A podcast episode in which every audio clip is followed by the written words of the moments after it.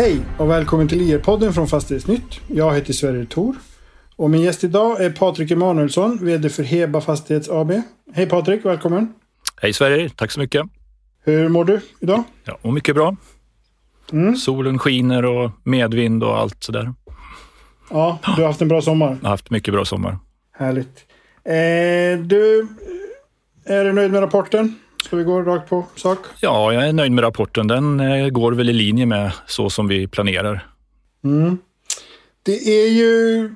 Stable Outlook är ju, är ju din rubrik i vd-ordet. Och, och, såklart handlar det ju om, om den rating ni har fått som jag tänker vi kan prata om lite längre fram. Men det är ändå ganska stabilt givet all, allt, alla yttre omständigheter. Absolut. Eh, så jag tyckte väl liksom den rubriken eh, är ju passande ur många dimensioner. Både hur, hur opåverkade vi står mitt i den här krisen eller pandemin vi har, men även eh, utifrån den liggande portföljen, det arbete vi gör där och, och liksom hur vår, våra utsikter ser ut rent generellt, så, så tyckte vi att det, det stämmer väldigt bra. Mm. Är det någonting sådär som, för du, du är inne på det väldigt, att ni, ni vad är det, 45 000 kronor i förlorade intäkter, det är ju inte mycket pengar i, i, i företag som, som omsätter hundratals miljoner. Men ser du någonstans att det skulle kunna komma en större effekt för er? Nej, det gör jag väl egentligen inte, utan vi har ju följt eh, våra hyresgäster väldigt nära och vi, vi ser väl att det är, det är, rakt igenom väldigt stabilt. En del av de här kanske vi hade fått ändå. Liksom. Eh, så att eh, det ska nog mycket till innan vi får eh, ett worst case scenario, som vi ju självklart har gjort. Men, men mm. bedömningen hittills är ju att det här ser väldigt stabilt ut. Mm. Men känner du då, om, om, om jag vänder på frågan, att, att Heba befinner sig i någon form av bubbla eller är det liksom när, när du pratar med andra vd i branschen, känner du liksom att det är ganska stabilt? Ja, känslan är väl att det är ganska stabilt. Sen om, om de är en bubbla eller inte vet jag inte. Jag, jag uppfattar ordet bubbla som något som inte är så positivt. Men... Ja, men om man säger då liksom att ni, ni, ni, ni, ni är i en komfortzon som är liksom lite, lite utanför det som sker i övriga samhället.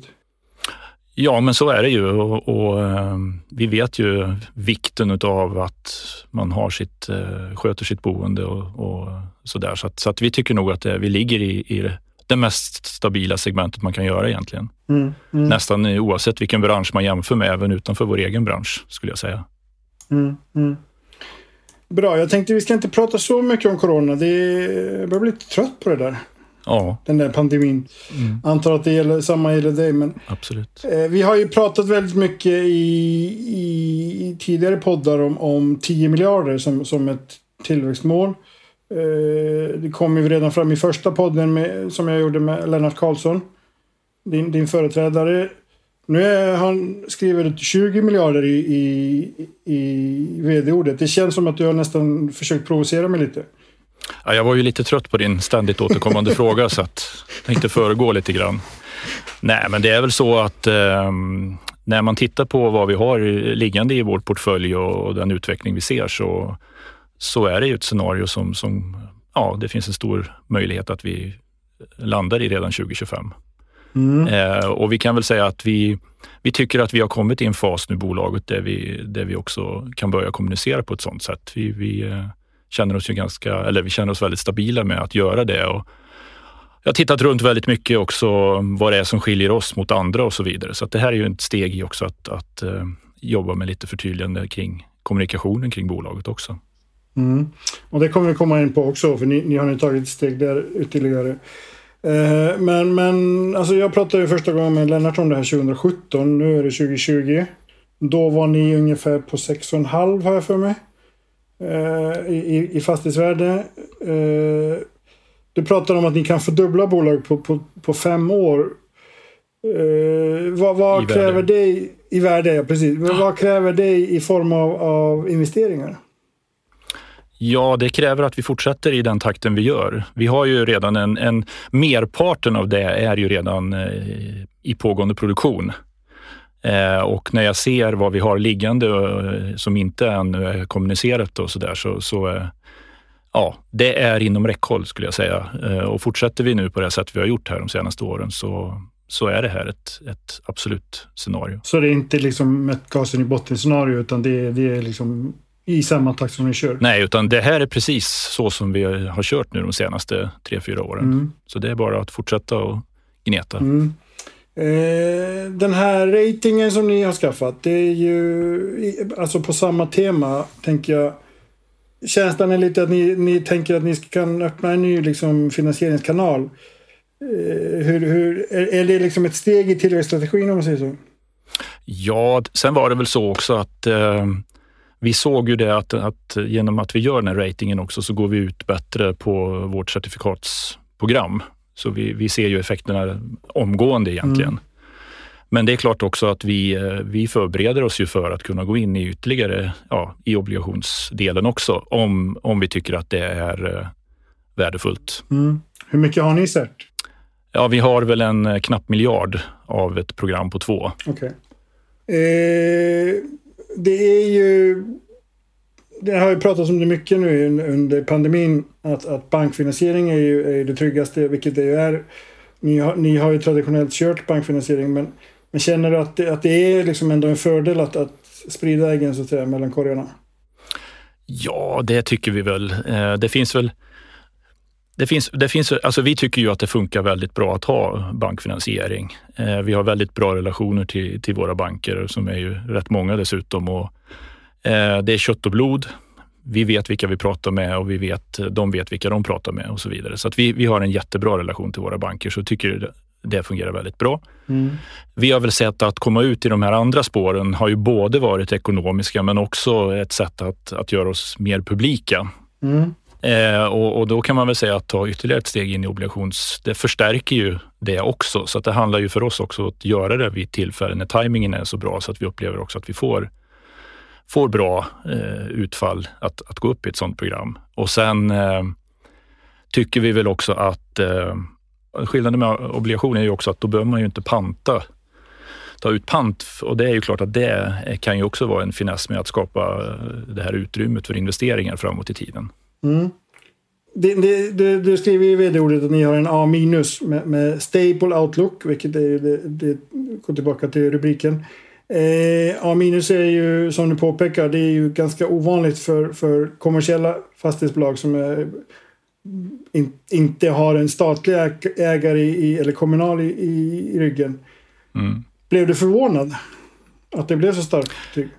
Nej, det blev inte och det var ju också, tyckte jag, eller tyckte vi ska jag säga, en, en ett, ett, intressant eller kul sätt att göra det på också. Att, att få den här stämpeln på, på att vi är, är, så här starka och stabila. Mm.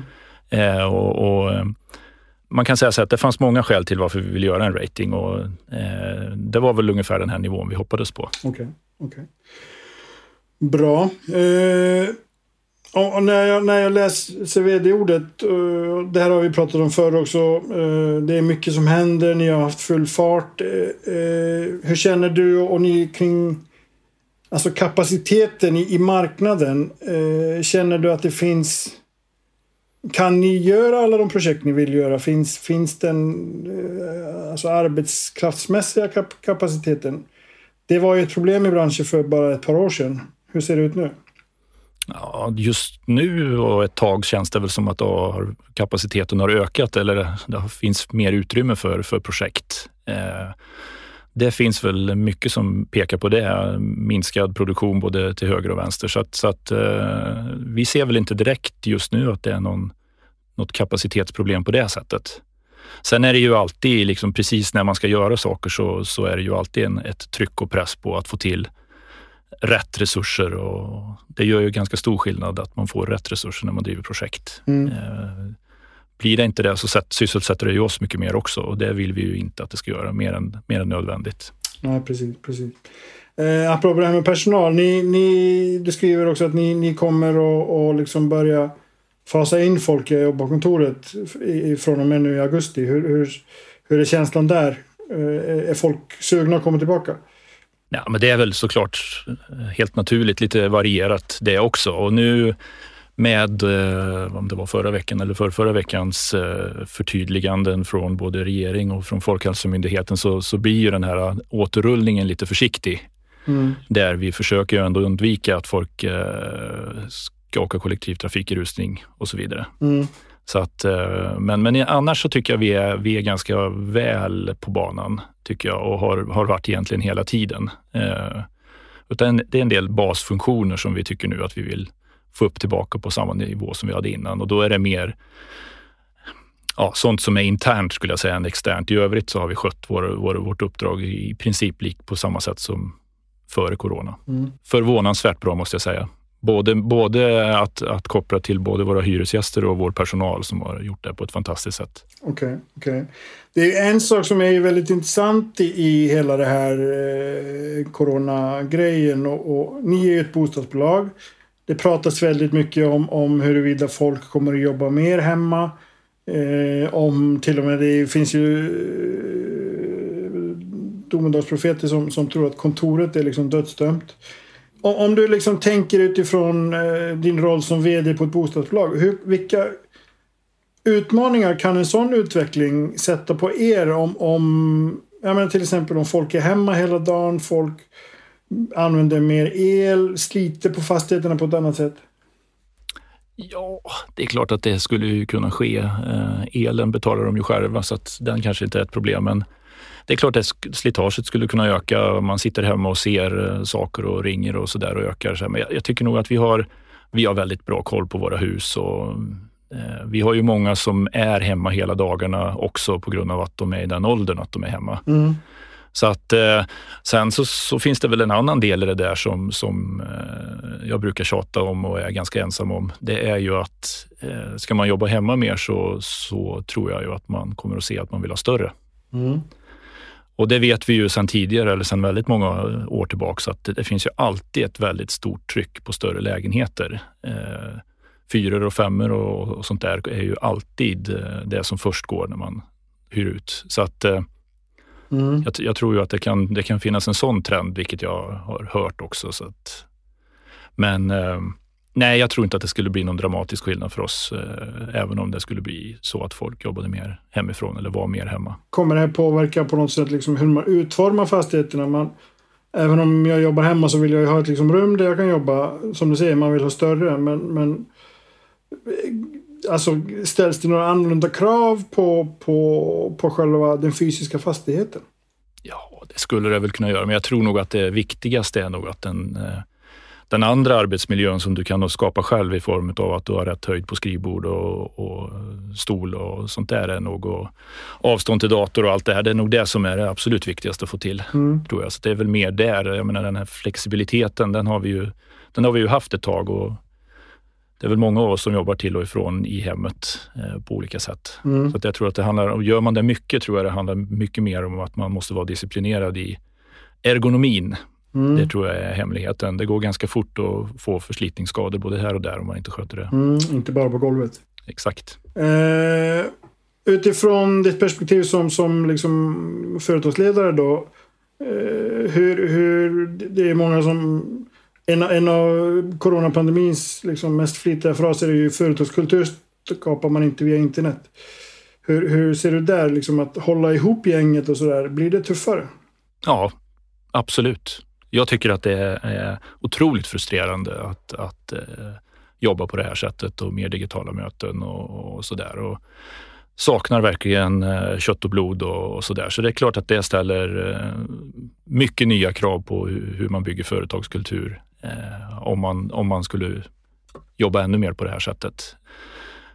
Men som sagt, jag är väl så gammal så att jag har svårt att ta till mig all den här nya tekniken. Men, men eh, jag, jag, tror ju att eh, det blir över tid väldigt viktigt ändå att ha de här fysiska mötena. Det blir en annan dynamik och kreativitet. Och, mm. eh, sen kan man vara väldigt effektiv i perioder i, i att när man jobbar hemifrån tror jag, men totalt sett så tror jag man kommer tappa. Mm. Vi lämnar det tycker jag vi får se vad som händer. Det, det, det, är en ganska spännande tid att vara i i alla fall. Vi var ju lite inne på det tidigare att ni, ni har ju, kommer ju, vad ska man säga, steppa upp kommunikationsarbetet. Ni kommer vara mer synliga, publika och har anställt en kommunikationschef. Ja. Hur... eh, Jag har för mig att jag har ställt dig frågan tidigare med, med ledningsgruppen och sådär, din, din stab. Hur, hur, är den komplett nu? ja, det tycker jag.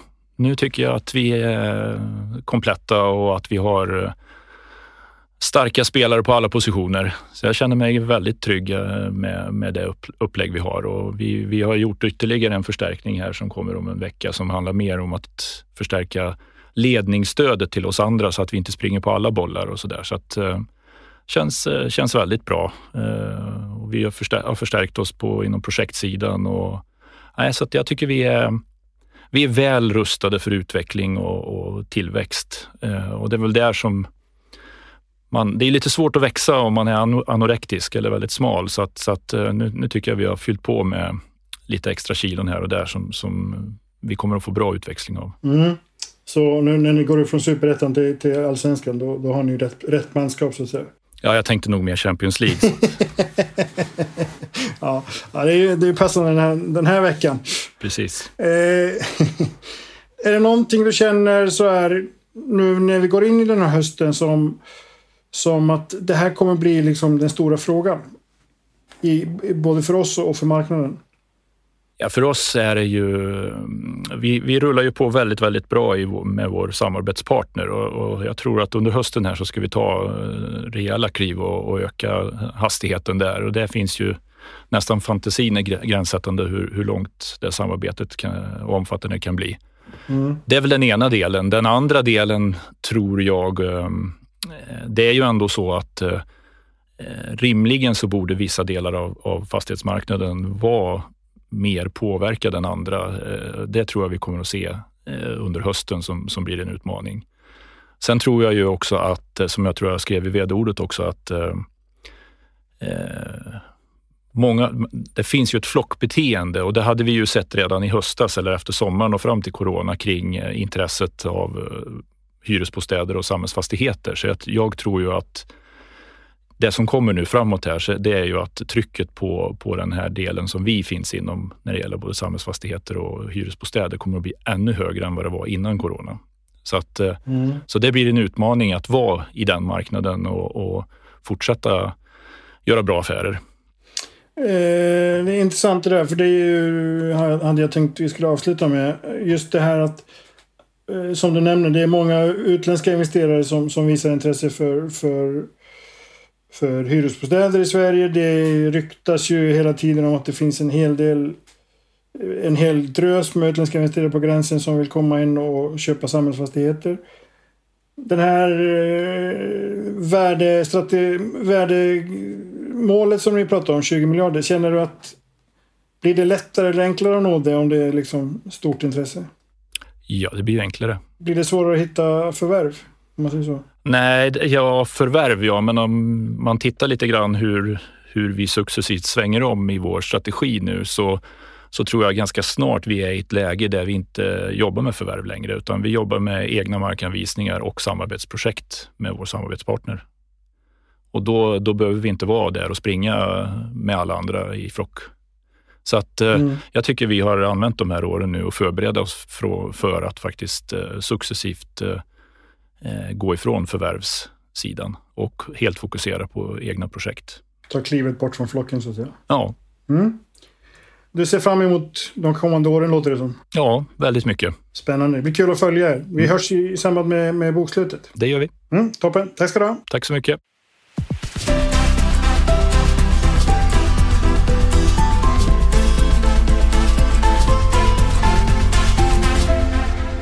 Det här programmet görs på Beppo. Beppo. Beppo. Beppo.se